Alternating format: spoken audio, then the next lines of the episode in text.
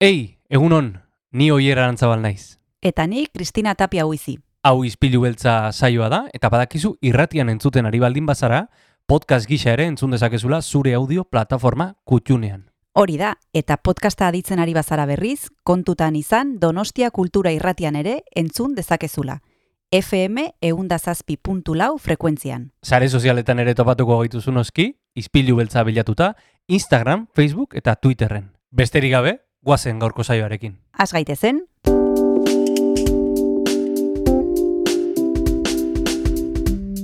Ispilu beltza. Donostiako kulturaren berri, Oyer Arantzabal eta Kristina Tapia buizirekin.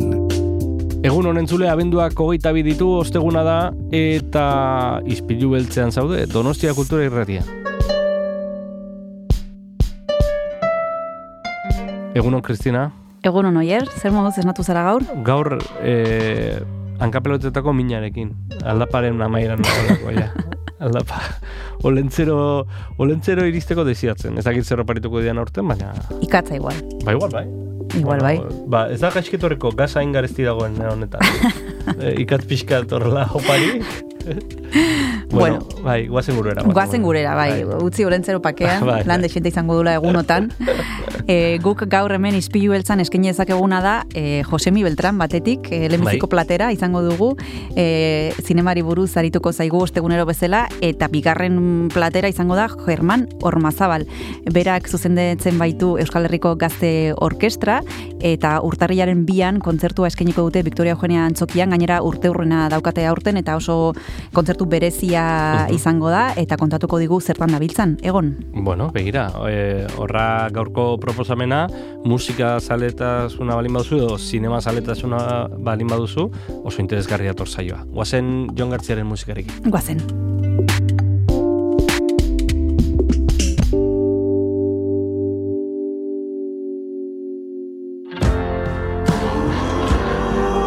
Egun honen zule guazen gaurko saioari ekitera eta horretarako pasadena gazteizeko proiektu musikalaren abesti berria antzungo dugu, hause da, Izpia.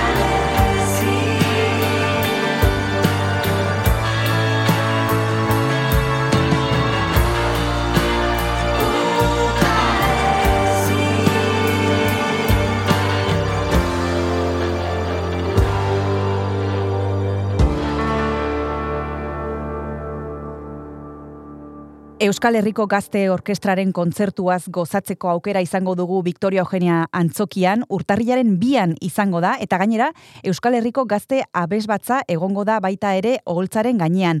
Orkestrak badekizue hogeita bost urte bete dituela, eta horregatik gonbidatu dugu gaur ispilu heltzara egoren zuzendari orokorra, German Ormazabal. Zer moduz, German, egunon? Txo, egunon, oso ondo. Bueno, guazen lehenbiziko hitz egitera programaren inguruan. German, kontzertu berezia izango dugu urtarrilaren bian Victoria Eugenia Antzokian esan dugun bezala, arratzeko, arratzaldeko zazpiderdietan, batetik orkestra eta bestetik e, gazte abesbatza izango dugu.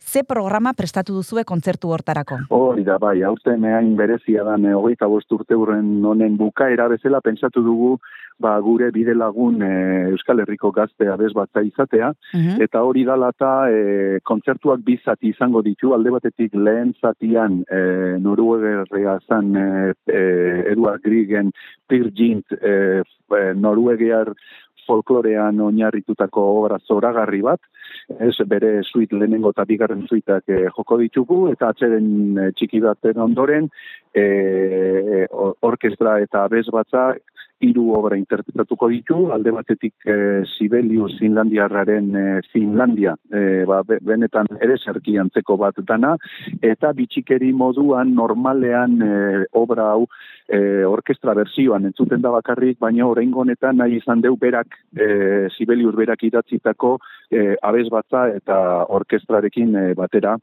egingo dugun e, bertsioa. Eh? Eta gero, e, bi e, nolabait bi efemeride, edo uste hurren e, kontuan izango ditugu, Mhm. alde batetik e, Ralph Vaughan Williams Britaniaren, Britaniaren e, eunda berrogeita mar urte ur- bere jaiotzaren eunda berrogeita mar urte urrena dala eta bere ez doizko obra bat, baina zoragarria den obra bat ingo dugu, abez batza eta e, orkestrak, eta azkenik e, bukaera bezala pentsatu aproposa izan zitzekeela ba, aurten e, bi urte urren e, ospatzen ditugu. Ez da alde batetik e, Pablo Sorozabal e, egile donostiarraren eunda hogeita bost urte urrena, bere jaiotzaren eunda hogeita bost urte urrena, eta zoritxarrez ba, Gernika e, bombardeaketaren laro hogeita bost urtea. Hori dala eta berak e, idatzi zuen Gernika kantata izango dugu abez batza orkestarekin, kontzertuaren e, amaiera bezala.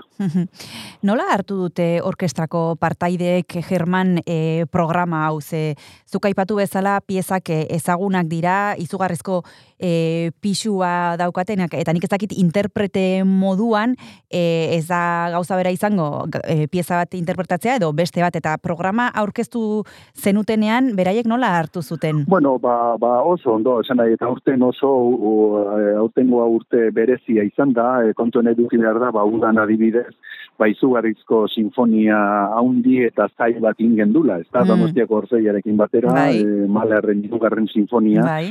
eta hori dala eta beti kontuan izaten dugu ba, ba, gazte orkestra batala eta pixkate oso tentuan da kontuan eduki ba, e, komeni zaion errepertorioa bere formakuntza prozesu hortan e, oizkoek ez diren e, obrak eta landu ahal izatea. Eta horregatik pentsatu genduen ma, bere iztea, ez da, alde batetik e, lehenengo zatian orkestak izango du benetako protagonismoa, obra ez da zailenetakoa, baino, baino ba, e, bueno, badu, badu bere, bere zaitasun natura beste bata, ez da, malerrekin konparatzen badugu, baino oso musika fina entzun erresa eta oso refinatua dana, eta bigarrenik, ba, pensatu genuen baita ere importante zala gure gazteek, ba, bez bat, batekin eh, aritzea, eta guzti horrek suposatzeuna, ez da, bez batzarekin ondoen pastatzea, e, ekilibrio aldetik, dinamikak, e, bueno, ba, beste lan egiteko modu bat da, eta alde hortatik, ba, uste genuen, e, ba, programa borobila izan zitzekeela gure hogeita bost urte urrena e, e, urte urrenari amaiera emateko, ez da? Eta nola ez oso oso oso kontuan izan dugu ba, Sorozabal eta eta Gernika kantata, ez da? Aipatu duzu kontuan izan behar degula gazte orkestra bat dela, German, eta e, zer izaten duzu ezuek kontuan e, programa prestatzerakoan?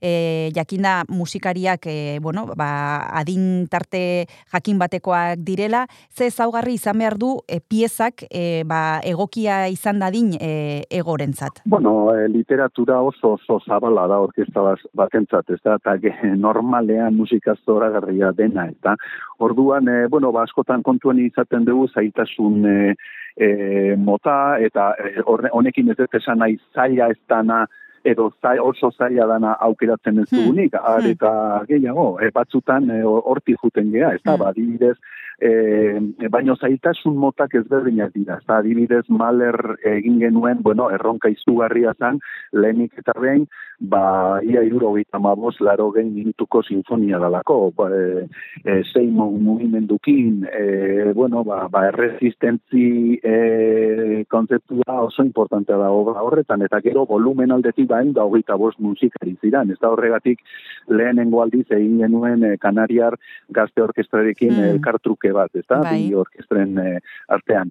Eta oraingo programan e, edo, edo orokorrean, bueno, ba, ba, baita ere kontuan izaten dugu behar bada, normalean e, gazteak egiten e, ez dituzten e, programak, ba, bere musika eskoletan, edo musikenen, edo konservatorioetan, ba, ba, ezin, izan, ezin diren egin ezin diren e, e, obrak, ba, ba, ba, adibidez orkestrazio handi bat e, behar dilako, edo kasu honetan bezala, abez batza ere gehitzen zaiolako. Orduan, bueno, hor parametro ezberdinak daude, e, baino baita ere esan behar dut, e, gaur egun dauzka hone e, gazteak eta erakusten duten maila izugarria dala eta alaxe demostratu zuten ba urtengo udan e, Malerren e, hirugarren e, sinfonia eginez. Ez da beraz alde hortatik e, lasai gaude, baino benetan e, lan asko dago eta ja materialak eta aspaldidanik e, bialdu genien eta ikasi beharra dago hori hori hori garbi dago, baino aldi berean kontuan izan dugu baita ere publikoa, ez da? Eta Hmm, publikoaren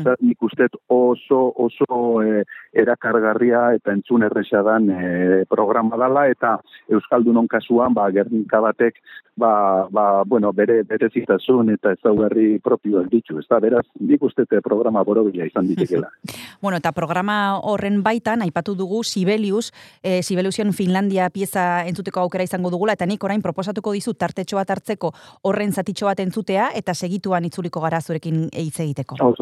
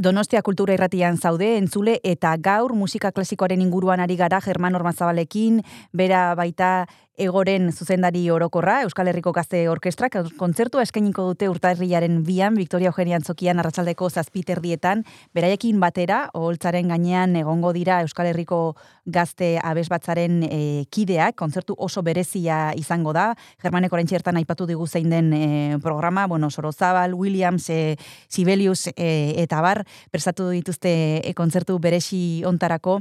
Aipatu ditugu zein izango lirateken German e, programaren ezaugarriak e, orkestra gazte baten dako, baina zein dira orkestra gazte baten ezaugarriak? Ze adintarteko personak daude bertan, e, ze ezaugarri dituzte, e, ikasketa prozesu zein puntutan daude, kontatu pixka bat nortzuk e, osatzen duten orkestra? Bueno, e, lehenik eta behin e, entzunaldiak egin behar izaten dira, e, orkestra sartzeko, eta hor, e, bueno, gu berrikuntza batzuk sartu ditugu, alde batetik e, e, e, adin minimoa kendu egin dugu, Mhm. eh, hau da uste deu, e, bueno, talentuak ez daukala e, adinik, eh, baina egia da e, jotzen interpretatzen diren e, programak eta eta e, horrek eskatzen dituen beharrak eta bar, ba, adin bat ere behar dala, ez da, eta ikasketa batzuk eta bar, baino, e, kasuak baditugu, amabostuteko zenbait kide gutxi, baino, baino e, beraien plaza lortu dutenak, ez da. Eta gehienea hogeita bost urte da e, adin e, maksimoa, baino gure kasuan, eh, esan genezake e, hor e, adin e, gehien goa hogeita eta bat hogeita bi urte horretan e, daudela. Horrek esan nahi du, ba, ja, beraien azken e, ikasketetan daudela, kasu batzutan ja ikasketak ere bu, e, bu, gaindituta, eta, e, bueno, ba, gu nolabait, e, ba, ba, pla, plataforma bat gara nolabait zubi bihurtu nahian, ba, beraien azken e, ikasketa urratsak eta mundu profesionalean murgiltzeko, e, behintzat orkestra munduan murgiltzeko e, zubi e, izan nahian. Eta horregatik, e, programetaz eta musikaz at, e, beste zenbait esparru ere lantzen ditugu, ez da, ba, entzunaldi batzuk e, nola jorratu, nola gauzatu, nola, nola enfokatu, zein dian kontuen izan beharreko gauzak, e, psikologia aldetik ere, bueno, ba, hor elementu batzuk e, lantzen saiatzen gara, e, bueno, ba, ba nolabait e, e, formazio integral bat e, aldan neurrian eram, eman alizatea orkestra munduan bilatuko duten e, arazo hiek gainditu alizateko, ez da? Mm. Aipatzen duzu German mundu profesionala, zein da Euskal Herrian e, mundu profesionalaren egoera guk hemen e, Euskadiko orkestra daukagu, baina nik ezakit denontzat lekua dagoen hor, e, kanpora joan borko lirateken, beste bide batzuk e, bilatu, bora, irakaskuntza, eta bar, nola ikusten duzu panorama gaur egun? Bai, bueno, le, benetan ni personalki e, horrek asko, asko kezkatzen nau, ez da, e, baino ez, baino ez Euskal Herria makarik, e, e, bueno, ba, orkestrak ez dutela eguneko plazak ateratzen, eta maila izugarria da, ez da, orduan e, merkatu bat bakarra da, eta hori mundua da, ez da, beraz, e, e, bueno, ba, ba, gaur egun e, erakutsi behar da maila izugarria da, baina baita ere esan nahi nuke, e, hortatik, e, hogeita bosturte hauetan e, gure e, esparruan bentsat eta gure inguruan ba, asko aldatu dela eta onerako e, e, egoera, ez da, eta kontestu musikala, eta sektorea ba, asko, asko aldatu da, bai ekipamendu aldetik, musiken ere hor dago, e, ego sortu zenean, ba, ez zegoen, Euskalduna, Kursal, e, bueno, e, alde hortatik e, aldakuntza handia egin da, eta gehien bat e, ezkuntzan, ez da, hor nik uste izugarrizko lan nahi dela bai musika eskoletan, konservatorietan, gero goi mailako musikenen, edo Nafarroako goi mailako e, konservatorian, eta horrek egiten du, ba, gaur egun gure zenbait gazte, eta egotik patsadiren zenbait gazte, ba, beraien karrera egin nahi dira, ez da, batzuk zuzendari bezala, beste batzuk musikari bezala goi mailako orkestetan, baita Bilbo eta Euskariko orkestetan, beraz, e, bueno, ba, pixkana, pixkana hau, e, non stop e, prozesu bat da, ez da, nun e, hau maratoi bat da, ze, ze, e, e, egunero landu behar dan zerbait da, eta horregatik, ba, bueno, ba, guk e, urratz ez urratz, ba, orgoaz, e, bueno, bideo hori lehendu nahien, aldan neurrian bezat gure gaztei, ez da, lagundu nahien. Ongiru itzen baldima zaizu, bigarren tarte bat hartu behar dugu eta proposatu behar dizut Gernikaren zatitxo bat entzutea, entzulekin partekatzeko, eta segituan itzuliko gara Germano Armazabalekin e, hitz egitera. Oso, ondo.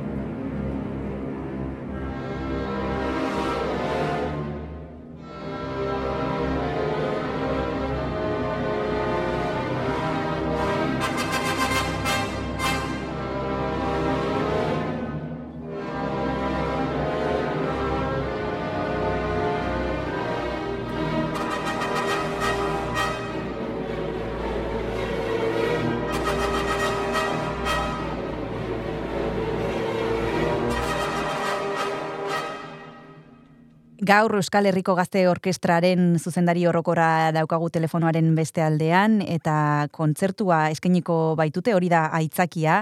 Urtarriaren bian izango da Victoria Joanean Antzokian arratsaldeko zazpiterrietan Euskal Herriko Gazte Abesbatzarekin batera. Aipatu ditugu German eh, hainbat kontu eh, oraintxe bertan besteak beste orkestrak hogeita bost urte betetzen ditu eta nik ez dakit eh, zein izan den eh, orkestraren bilakaera hogeita bost urte hauetan. Zuk esan bezala gauzak asko aldatu egin dira, batetik eh, adibidez e, musiken etzen existitzen zuek hasi zinetenean, e, musika kontsumitzeko moduak aldatu egin dira, internet e, sartu da, e, erabat irauli du e, ba, e, musika entzuteko modua eta musika ikasteko modua ere bai izango nuke. Bueno, hainbat gauza gertatu dira hogeita bost urte hauetan. Oraintxe bertan ez e, deskribatuko deskribatu behar bazenu zein den e, orkestraren momentua orain zein no, no- nola esango zenuke dela bizitzen ari den e, egoera oraintxe bertan. Bueno, ego orkestra bezala nik uste te oso, oso momentu honean dagoela, le- lehen esan bezala, ba, ba dauzkaun e, gazten e, ma, mailaren gatik, ez da, e, izugarrizko maila erakusten ari dute, baino aldi berean berriz diot, e, bueno, laboral mundu horretara murgiltzeko ba, ba, bueno, ba, ez dago erresa, ez da beste, in- beste sektore askotan gertatzen den bezala, ez da beraz hor, bueno, ba, lan asko e, daukau egiteko eta gure kontribuzioa ba, egiten e, e, saiatzen ari gara, ez da.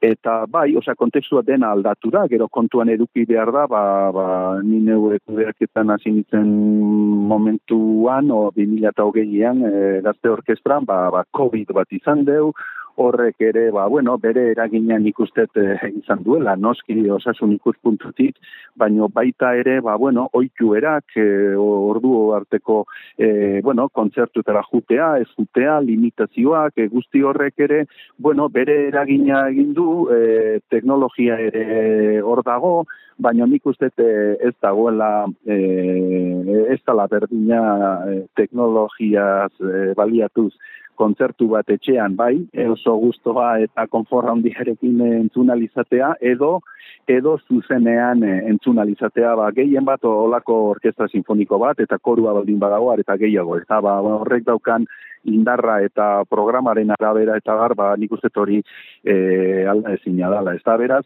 e, bueno, literatura ere hor dago, esan nahi gauza asko aldatu die, baino, baino, baino e, musika klasikoaren e, literatura hor dago, eta, bueno, ba, hori da gure joku kanpua, eta, eta esatitu gure e, nolabai norabidea da e, e, ego sortu zenean eta markatu ziren misio eta helburuak ba, lortu nahi izatea eta behintzat alik eta e, kontribuziorik handina gure gaztei egitea hori da gure Mm. hilearra, ez da. Aipatu dugu gauzak asko aldatu egin direla hogeita bost urte hauetan, besteak beste e, ikasteko zentruak e, bueno, e, sortu egin dira, aipatu dugu musikene, iruñaren e, badago e, konservatorioa, e, gazteizen, e, bueno, nik uste dute prestakuntza Euskal Herrian, German, esan dezakegu, bete daitekela, eh, mm, inungo problemarik eh, gabe, eh, ez, eh, inungo inbidiarik eh, gabe, ez? Bai, bai, nik uste mugimendu alde hortatik oso, oso garrantzitsua dela, baina baina, bueno, be, tensioa galdu gabe, ez da, zen nahi dute maila eta autoexigentzia ere gero eta handiagoa da, maila izugarria da, ekipamentuak ere markatzen duten nola baite e, e, maila ere ba, altura berberan e, egon beharra, orduan e, bai, e, positibo bai, baino lan asko da- daukau kontuan eduki behar da, e, ba, herrialde asko daudela, eta tradizio gu baino askoz tradizio e, luzeagoa eta sendoagoarekin, ez da, beraz, eta gure gazteek hor jokatu behar dute, beraz, e, e, bai, e, oso ni, nirentzat oso baikor e, naiz, baino e, kontuan izanik, ba, hori, ba, beti, ba, ba, erreferente diren, ba, herrialdeak eta teknikak eta musika eskolak eta oso oso kontuan izanik, ez da zer egiten ari dira, eta eta nundik e, jo behar deun, eta. Hmm. O- Hori izan daiteke agian German guri falta zaigun aipatu duzu beste herrialdea batzuetan e, tradizioa ba, beste mm, beste maila bat daukala eta nik ezakit hemen hori izan daiteken guk daukagun zuloa, ez? E, musikak ez duela E, nik uste dut, e, puntu e, oinarri bat dagoela, ez da, eta da, ezkuntza, ezkuntza e, horretatik, eh, esaten eh, naturalki ikasten dan zerbait, eta, ez da, eta alde hortatik, bueno, eh, ba, gure kasuan, ikuste gauza asko egiten eh, joan gerela eta joan garela, baina oraindik asko dago egiteko, eta gero beste, beste, mm, nolabait, beste, esparru bat nik uste eh, kolaborazioa eta sarean lan aitea da. Ez da, txiki bat gea, horrek baditu bere, horrek baldintzatzen du, baina baita ere baditu bere abantailak, ez da. Eta alde hortatik nik uste oso oso garrantzitsua dela, ba hezkuntzaren munduan, e, bai e, programadoreak, e, goi mailako musika eskolak, orkestrak, e, ba, bueno, ba, elkarlanean e, aritu behar deula, ze, hori izan daiteke gure e, sendotasunetako bat, herri txiki bat izan, izanik, ez da. E, askotan kostatu, kosta ite zaigu, eh, hori egia da, gure Euskal Herri maite hontan eh, horrela lan lan aitea, baino baino benetan hor uste dagoela hor eta hezkuntzan izan da eh, on daitekeela pixka bat giltza, ez da. Hmm. Hori izan daiteke gure erronka eta bukatzearen zerbait eh, positiboarekin aipatu nahi nizun eh, Victor Pablo Pérez izan genuela hemen duela hilabete batzuk eh, etorri zelako eh, orkestra, Kanariaseko orkestraren zuzendari Eta gisa. gu, gu ere zuzentzea, bai. Hori da, bai. hori da. Eta berak esaten zigun e, gazte orkestra batek e, ez duen ezaugarri nagusienetako bat zela indarra. Ez, eta berak Indarra, hori bai. azpimarratzen zuen e, behin eta berriz, ez, indarra. Eta nik ezakite hori ere nabarmendu beharko genuke e, egon, ez? E, egok Bai, daukan bai, garbi, garbi, indarra. garbi, garbi. Ez da, Indarra, Germán? naia, ilusioa, Hmm. pasioa, eta eta askotan, e, bueno, pixkat e, frenatu beharra, ez da, e, indar, indar guzti hori, e, baino bai, bai, bai, o- o- ala da, ala da. Baino horrek ez du esan nahi indarra bakarrik e, kalidade ezarekin, ez da, Hmm, esan nahi hmm. dut, gaur egun e, e, di- dioten bezala eta ez naiz aiz bat ere esageratzen ari, e, maila, ertain maila oso, oso, oso ona da, baino egia da, e, bueno, ba, adinaren gatik, e, ilusio hori, e, azerak, e, ba, ba, izugar guztu emateu, olako e, indar hori gainean nabarmen izaten da, ez da, eszenarioan, e, ba, ensaiotan ari bidenean, eta, eta gehiago ba, kontzertu momentuan, ez da. Urduritasuna ere bai, baino, baino benetan indarra eta, eta ilusioa, ez da. Bueno, ba, ezaguarri guztiak e, ikusi nahi izan ez gero, eta batez ere e, nahi baduzue entzun programa eder bat, esan bezala urtarrilaren bian izango duzue aukera, Victoria Eugenia Antzokian arratsaldeko zazpiterdietan, Euskal Herriko Gazte Orkestra egongo da batetik, eta gainera Euskal Herriko Gazte Abesbatza. Eskerrik asko, Germán Ormazabal, izpilu beltzara urbiltzeagatik, eta horrengor arte, besarkada bat. Eskerrik asko zuei eta nahi dezuen arte. Min esker. Aio.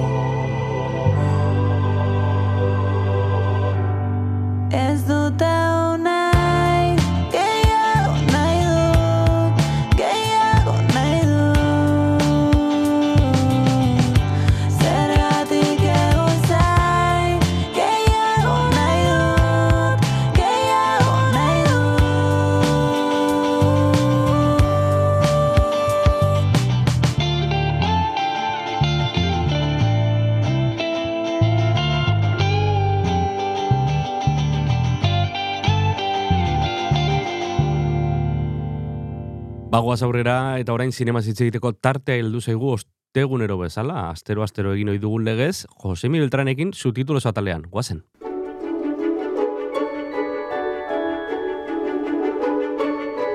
Azpitituloak, subtitulos, Josemi Beltranekin.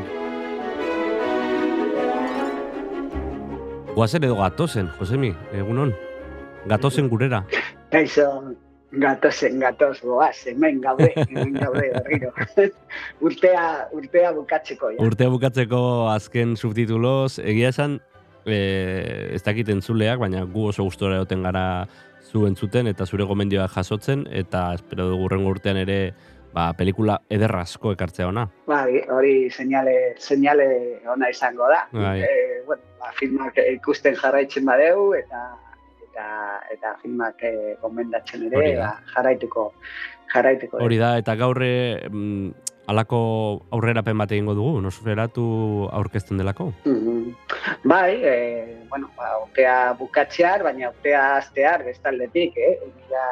Eta hogeita iru, e, aztear eta eta rokin etorriko da gure gure ziklo berria, e, ja aipatu genuen, egin genuen hemen Bai, spoiler bat, Bai, edo, bai. trailer bat egin genuen, eta esan genuen genero, genero bat izango zela, e, Nosferatu zikloaren gaia, mamia, e, leitmotiv edo, eta eta horrela izango da, ez dakit agian musika pizkarekin iragarri nahi duzu. primeran, primeran. E, ze, ze musika entzungo dugu? Bueno, ba, gainera, kenioa egingo diogu, bueno, ba, maizu bati, eta agian hori ere lotu dezakegu, ba, programaren bigarren atalarekin, zeren da musikaren egila Ennio Morricone dugu, Bai, e, 2008an zendu zen, eta eta iaz izan genuen dokumental oso interesgarria, nire lana eta bizitzaren inguruan. Ba, bueno, Ennio- Morriconeren e, ba, musika emblematiko bat aukeratu dut, Txi Mai abestia e, Le Profesionel filmarena, e, han e, e, Belmondo zen protagonista, ba, hori entzungo dugu. Mhm, primeran, guazen.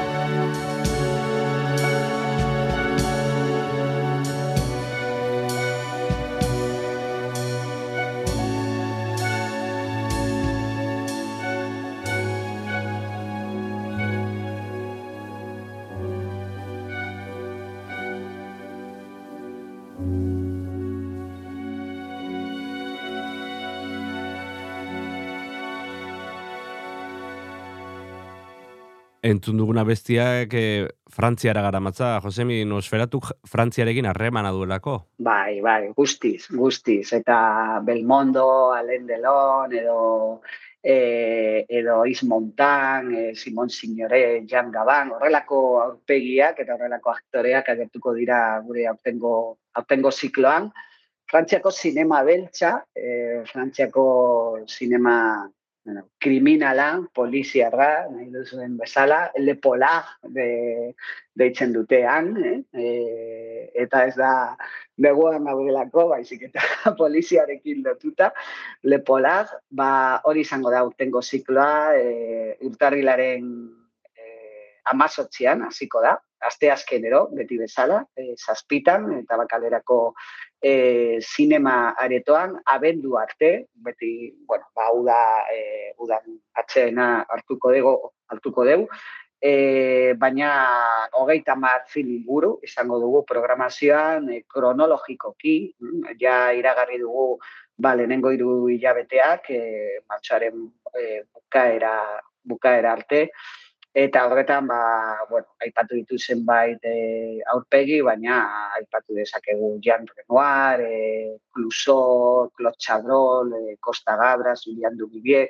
bueno, ba, bezalako zuzendari gargantzitsuak, eta lotura beti izango da, ba, hori, gaia, e, ba, pol, pol, historia poliziarrak, e, kasu askotan gizartearekin ba, ba zeukaten baita ere ba, bueno, irakurketa bat, e, ba, gizarte giroarekin, noiz benka, eta eroiak e, sortu zituzten e, film hauek. E, nire ustez, e, batez ere irurogeita amarreko amarkadan, eta irurogeita amarkadan, baina guk hasiko gara hasieratik e, lehenengo, bueno, ba, lehenengo asuntoekin, la golfa adibidez, Jan Renoaren filma, edo fantomas bezalako e, pertsonai bat, e, ze eragina izan zuen, jatorriak askotan, e, bueno, ba, literaturan zeuden, bai. e, jakina, ele, e, eleberrietan, e, eta e, Megret, e, Megret komisarioa, adibidez, ba, asko, i, asko ezagutzen dugu. Jan Lugo dar, e, zuzendariak ere dintzun bere, bueno, keinua generoari, alfabil zinemare filmarekin, bueno, gainera pantai handian deskubritzeko e, film batzuk, ez direnak hain errazak e, ikusteko gaur egun, ba, adibidez, gure hainbeste maite dugun, ala ez, plataformetan. Mm -hmm.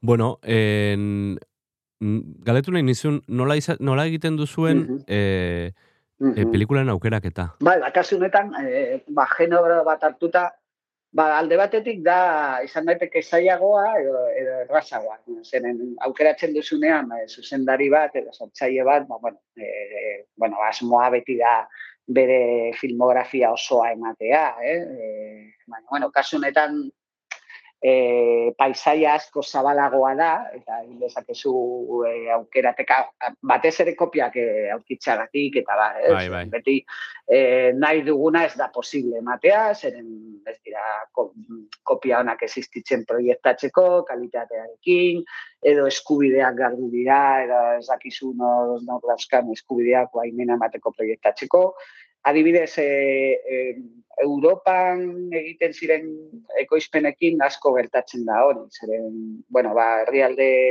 e, askoren arteko koekoizpenak ziren, Espainia, Italia, Frantzia eta bar, eta urteak pasata batzuk, e, bueno, e, gelditzen dira limbo batean. E, eta inork ez dauka baimenik edo materialarik e, filmoiek emateko, Eta horregatik adibidez, ba, hori, goita, goita marreko amarkadako finasko, generoko berdintit, beldurra, e, sinema beltza, e, gotikoa, eta da, ba, asko dira zaiak e, emateko baldintza eta.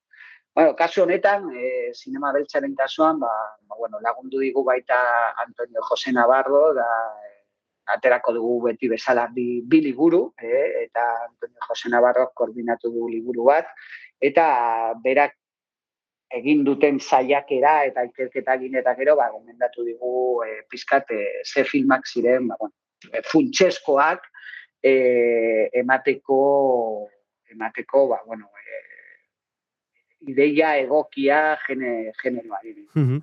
Primeran, ba, e, genero eder honekin e, nosferatu e, eder bat izango dugu beraz, eta hemendik gomendatzen dugu entzulea, donostiakultura.usen sartu, eta ba, bueno, enteratzera, noiz diren emanaldiak, e, sarrerak eskuratzera aldez aurretik, e, bazpada ere, eta betikoa. Bai, eta jakina, ipatu behar dut astea, beti ere, astero ere, ongo gara hemen, ba, film bakoitzari buruz, ba, zetasun gehiago ematen, jakin. Hori da, goiko legez izpilu beltzen beti izango dugu ta, e, momentuan momentuko e, pelikulen inguruan hitz egiteko aukera Josemirekin, lujo bat, esan dugu bezala lehen.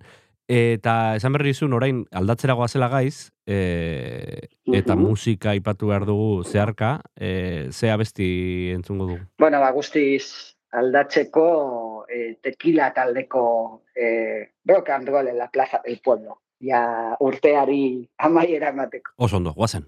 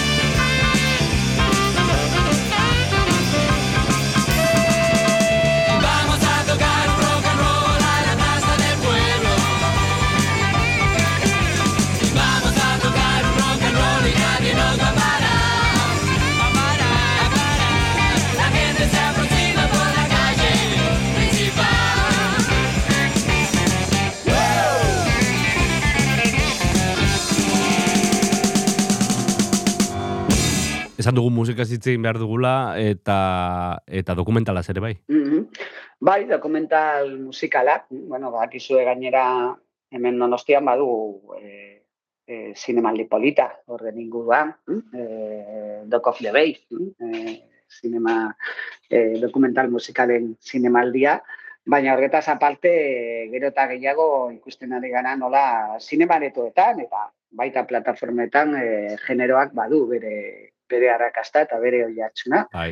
e, bueno, ez dakit e, argazoiak non dauden, ez dakit zupen, ze pentsatzen duzu horren inguruan, baina gian ja, bueno, ba, mitoak behar dugu, edo mitoen lehen aldiaren mitoei buruz hitz egin behar dugu, agian nostalgia puntu bat ere badago, Hmm. eh, horretan, eh, askotan. Hori zik, ziklikoa izaten da, Eh, ez? E, ziklikoa, nik uste bai. e, e, mm, tarte batean ahaztu egiten ditugu, gero bapatean norbaitek gogoratzen du bat eta ikusten du saltzen duela, eta orduan mundu guztia ezten da mitoak saldu nahian, berriz, ez? E, mitoek saltzen dute. Hori da, e, titularra da mitoek saltzen dute, baina, e, baina bueno, bolaraka. Ba, hilda, hilda bizirik, desagertuta, edo musika, musika baita ere abandonatzen, abandonatzen Bitu, dutenean. edo- goratzen naiz Josemi, edo- e, e, Johnny Cashen filma egin zutenean, hor egontzala, Bai. olako, ez? Berriro e, gogo edo, Mhm. edo hor piztu zala ere, e, berriz ere horrelako personaiak e, e, berpisteko gogoa edo, ez? Osea, bola, horretik Mhm. bolaraka izaten dela. Bai, bere garaian hemen etxe komentatu genuen Elvisen fikzioa. Baita ere, baita no? ere. E, adibidez, edo, edo e, orain, abenduan adibidez estrenatuko da, gabonetan e, Whitney Houston, Whitney Houston abeslariari buruzko film bat, e, aktorekin eginda, Bai. I Wanna Dance with Somebody, hau ez da dokumentala, hau da fikziozko film bat, e, eta bueno, ba, hori be- beste moda bat da. Agian, eh, argizkutsuagoa, noiz benka, hori bezalako, hori bezalako filmak egitea. Baina, bueno, ni batez ere, aipatu nahi hor- honetan, ba, ba, dokumentalak, eh? Ze, bai, adibidez, eh, Sintiéndolo mucho, eh, Fernando Leonek zuzendutakoa, eh, Sabinaren inguruan. Horrek, ba, arrakasta desente, izan du, eh, sinema Espainiako sinema aretoetan, eh? jendea eh, txaloka, eta adibidez gure lankide bego del teso kontatzen zidan nola zinemareto batean jendea besten baita eh, dokumentalarekin, eh, Sabinaren dokumentalarekin, edo tekilarena, eh, tekila seso drogas y- eta rock and roll, orain entzun dugu a- abestia, baita, bueno, ba, estatuko, estatuko, bueno, film, eh, osea, talde, talde bat hartuta, eh, edo gurera etorrita, adibidez, kepa junkeraren ingurukoa, eh? Kepa, kepa junkera berpiztu ere izan dugu duela, duela gutxi aukera ikusteko zinemaldian, eta eta laster, bueno, ba, beste pantalla batzuetan ikusiko dugu, zeren, bueno, ba, musika entzuteko zinemareto batean nik uste, bueno, ba, baita ere, ba, aukera polita dela, ni adibidez as- asko gozatu nuen David Bowie-rena, e, e, muneiz e, Daydream, hm? ez dakizuri zein gustatu zu- zaizun azkenengoetan. Ba niri, e, bueno, bitu, azkenengoetan ez da, eh? baina asko gustatu zitzaidan Scorseseren e, Shine a Light. E, Mhm. hori, Rolling Stoneen e, kontzertu hori modu, ez? E, The Last Waltz estilora, baina ja e, produkzio erraldoiarekin e, nola, no, bueno, nola Mhm. aurkeztu zuten Rolling Stones gustatu zitzaidan. Beste, besteak beste zalea naizelako, eh?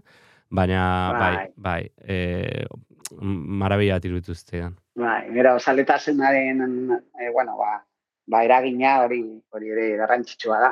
Baina noizbenka ere deskubritzea, e, agian ezagut, hainbeste ezagutzen ez ditugun musikariak edo taldeak, bari egiteko aukera ematen digute hau bezalako dokumentalak. E, Zalantzarik gabe. e, duel, bai, duela gutxi komentatu genuen ere be- beste azkenengo lan bat, eh? E, One Night Only edo eh, New York, Mhm. The New York Dolls abesleari, abesleari, abeslariari buruzkoa? Ba. eta, bueno, ba, taldearen historiari buruz hitz egiten zuen.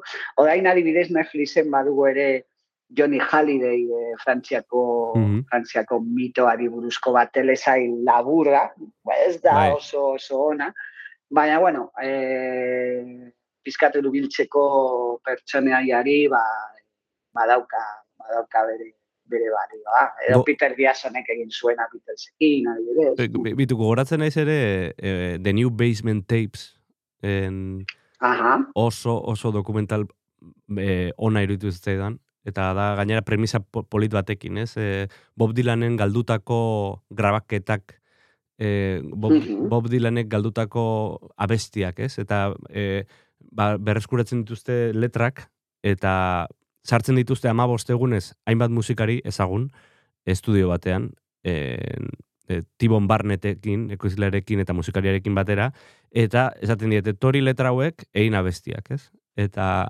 eta oso polita da, ze Bob Dylanen inguruan badal, baldin bada ere zeharka ere bada zorkuntzaren inguruan eta nola artista bakoitza ikusten, ikusten dugu iaia reality modura, baina modu oso e, txukunean ba, artista hauek nola sortzen dituzten mm, e, letra, Bob Dylanen letra beritatik abiatuta abestiak, eta kuriosoa da ze letra berberarekin abesti ez, e, ezberdinak ateratzen dira, ez? Eta, Mhm. bueno, sorkuntzaren inguruan, oso oso interesgarria hori bitu, horra nire gomendioa. Vale, ba, ni hori ez daukat ikusita. Entzun dut eh, hitz egitea horri buruz. Ba, oso, oso polita da dokumentala, bai. E, the, new baby, the New Basement Tapes, hori da izena. Ba, puntatuta, ala, Oso. gabonetan ikusteko.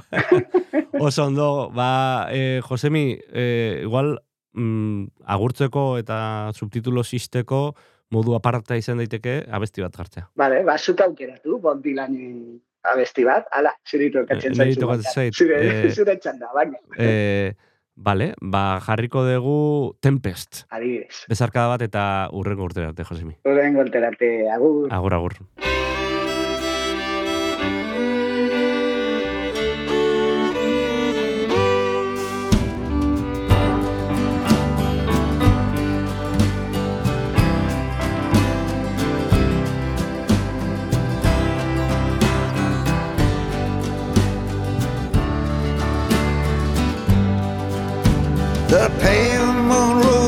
Its glory out of the western town. She told a sad, sad story of the great ship that went down. 'Twas the 14th day of April. Over the way she rode, sailing into tomorrow to a golden age foretold. The night was bright with starlight, the seas were sharp and clear, moving through the shadows. The promised hour was near. Lights were holding steady, gliding over the foam all the lords and ladies heading for their eternal home. The chandeliers were swaying from the balustrades above. The orchestra was playing the songs of faded love. The watchman he lay dreaming as the ballroom dancers twirled. He dreamed that Titanic was sinking into the underworld.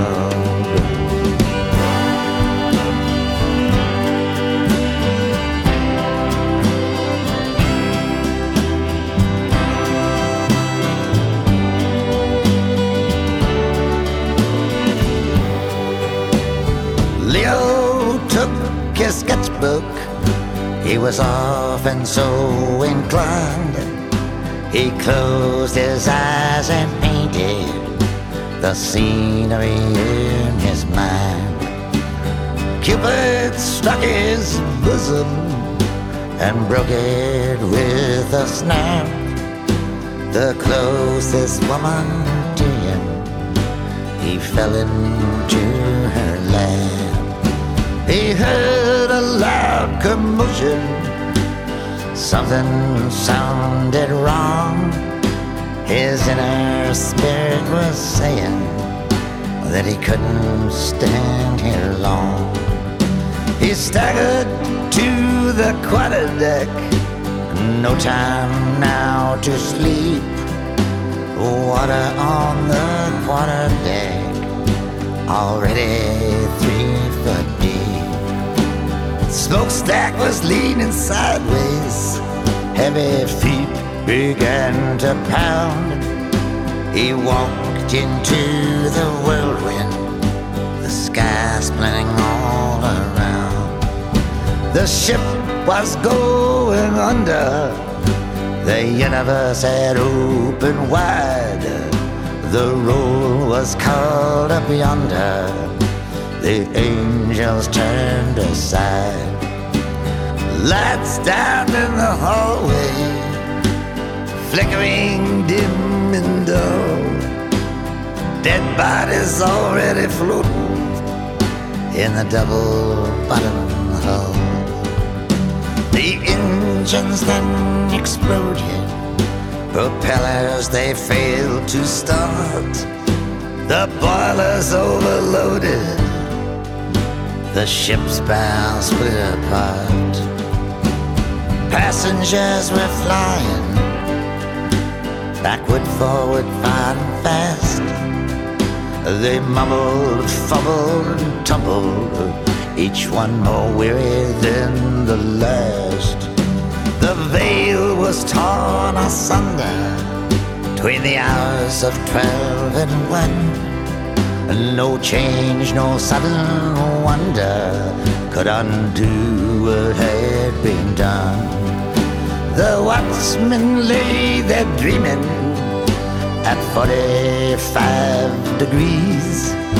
He dreamed the Titanic was sinking, dropping to her knees.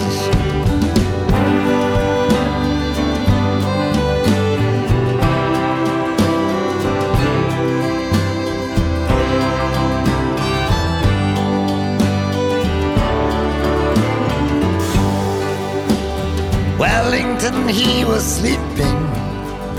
His bed began to slide. His valiant heart was beating. He pushed the tables aside. Glass of shattered crystal lay scattered round about. He strapped on both his pistols. How long could he hold out? His men and his companions were nowhere to be seen. In silence, there he waited for time and space to intervene. The passageway was narrow, there was blackness in the air. He saw every kind of sorrow, heard is everywhere. Alarm bells were ringing to hold back the swelling tide.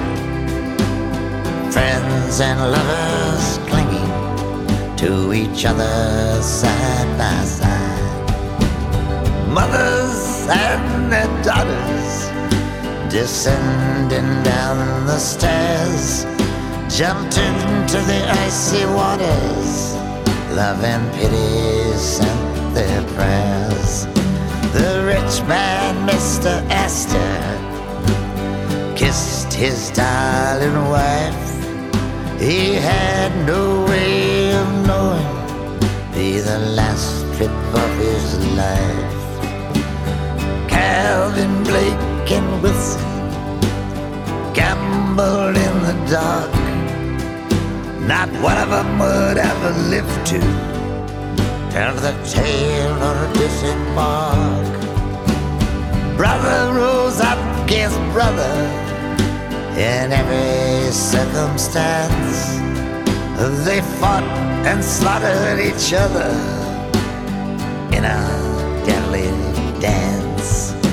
They lowered down the lifeboats from the sinking wreck. There were traitors, there were turncoats, broken backs and broken necks. The bishop left his cabin to help all those in need. Turned his eyes up to the heavens, said the poor are yours to feed. Davy the brothel keeper came out, dismissed his girls, saw the water getting deeper, saw the changing of his world. Jim Dandy smiled, he'd never learned to swim, saw the little crippled child, and he gave his seat to him. He saw the starlight shining, streaming from the east. Death was on the rampage, but his heart was now at peace. They battened down the hatches, but the hatches wouldn't hold. they traveled upon the staircase of brass and polished gold. Leo said to Cleo, I think I'm going mad. But he lost his mind already, whatever mind he had. He tried to block the doorway to save all those from harm. Blood from an open wound poured fell from flowers till all of them were gone. In the long and dreadful hours, the wizard's kiss played on. The host was pouring brandy. He was going down slow. He stayed right till the end. He was the last to go. There were many, many others, nameless here forevermore. They'd never sailed the ocean or left their homes before. The watchman, he lay dreaming, the damage had done. He dreamed the Titanic was sinking, trying to tell someone.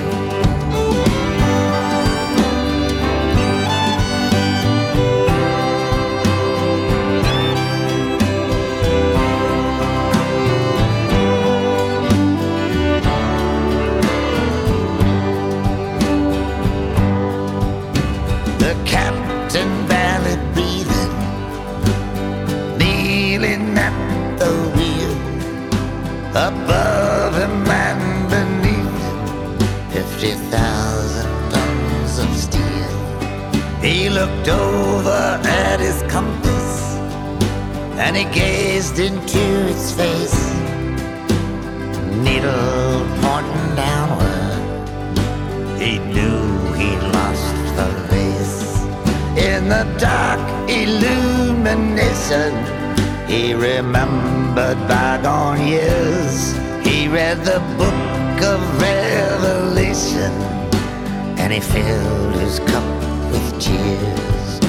When the Reaper's task had ended, 1600 had gone to rest. The good, the bad, the rich, the poor, the loveliest and the best. They waited at the landing and they tried to understand. But there is no understanding for the judgment of God's hand. News came over the wires and struck with deadly force. Love had lost its fires, all things had run their course. The watchman lay dreaming of all things that can be. He dreamed the Titanic was sinking into the deep blue sea.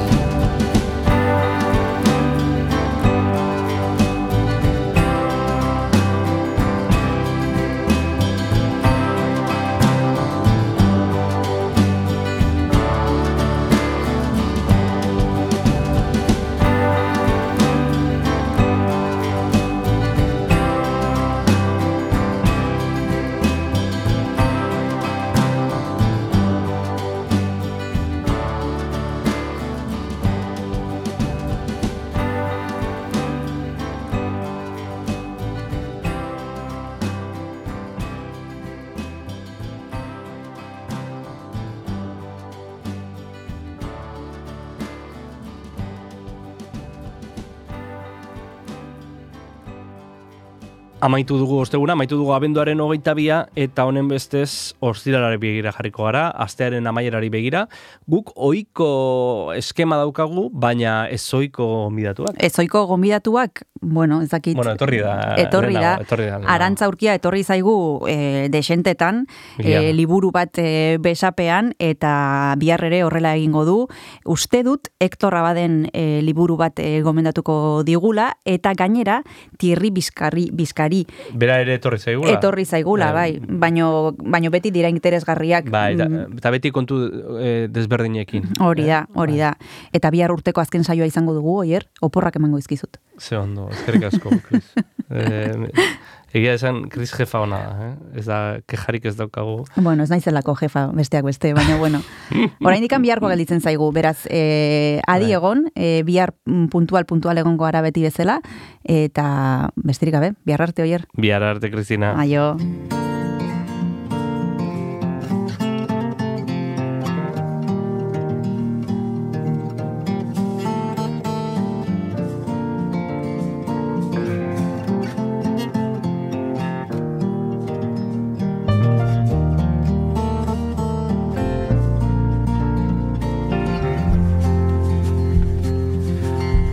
This is how I tell it.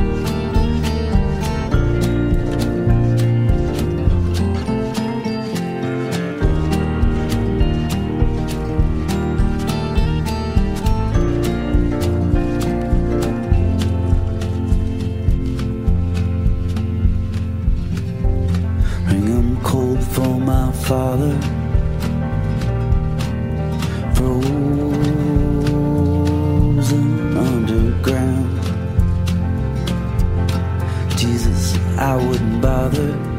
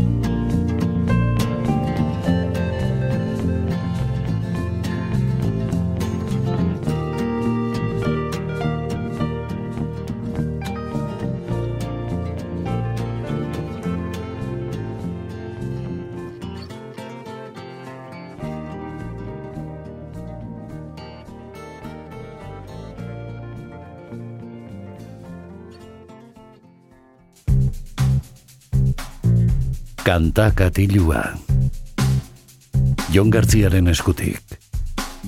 Egun honen zule, ongi etorri gaurko kantakatiura, iritsi gara izpilu beltzaren amaierara, eta badakizu hemen Donostia Kultura irratian musika asko gustatzen zaigula, bereziki sekzio txiki honetan, izpilu beltzari amaiera emango diogu disko batekin, eta disko hori izango da Aitor Regeiro kantautorearen igi diskoa, orantxe kaleratu berri duena, eta kantu honekin hasten da, bidaia izeneko abestiarekin.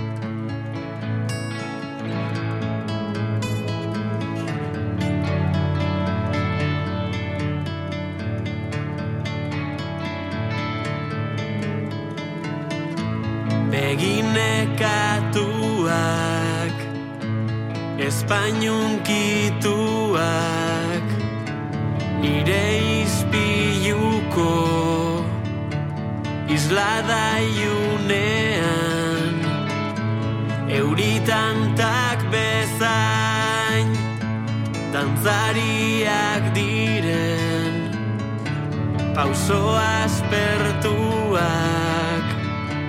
barre baituak tazu eta ni begiz begi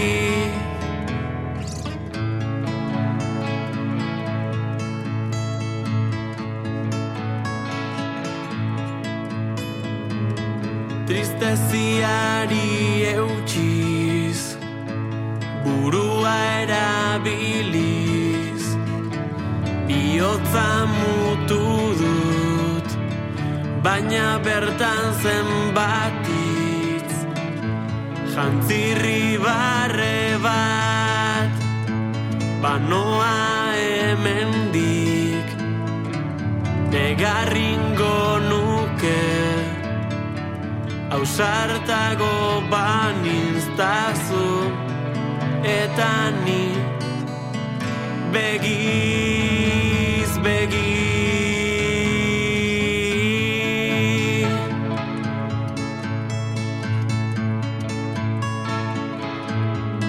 eta zu eta ni begiz begi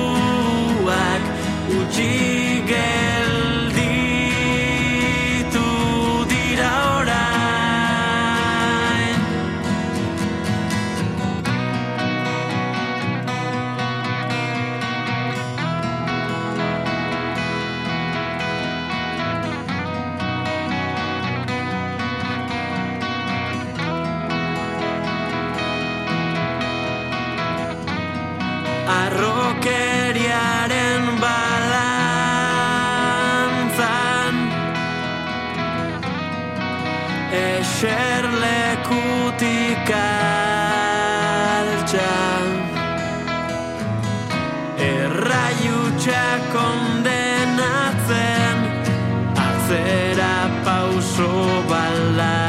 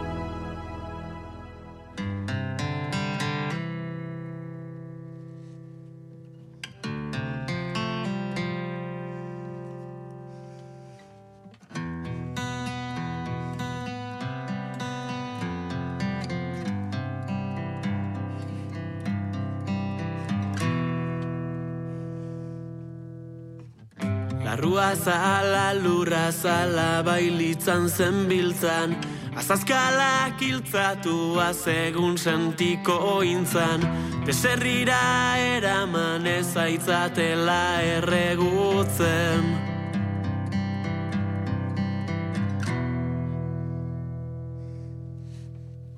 Lusai hartatik atera zintuzten tiraka. Egi ez zaude oraino lurrean botata Azazkaletako lokatzari ebazpenak eskatzen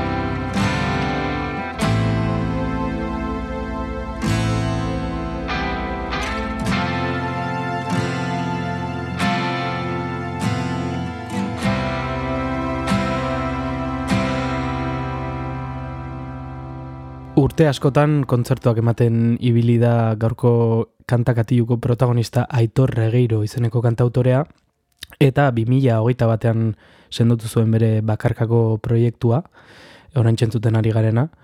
E, orantxe kaleratu berri du bere lan, lehen lan luzea, ige izeneko lana hain zuzen ere, eta tira, diskoari izena ematen dion kantua entzungo dugu jarraian.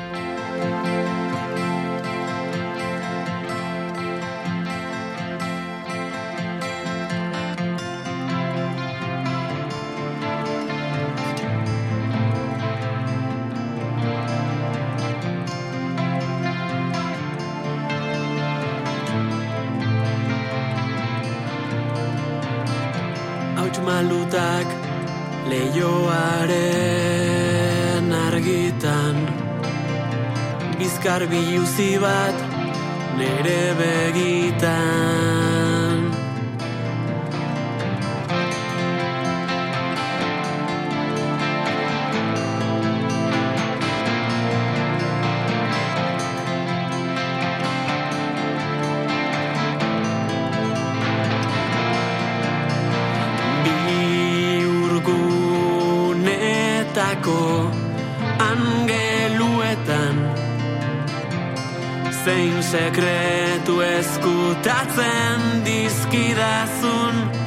ga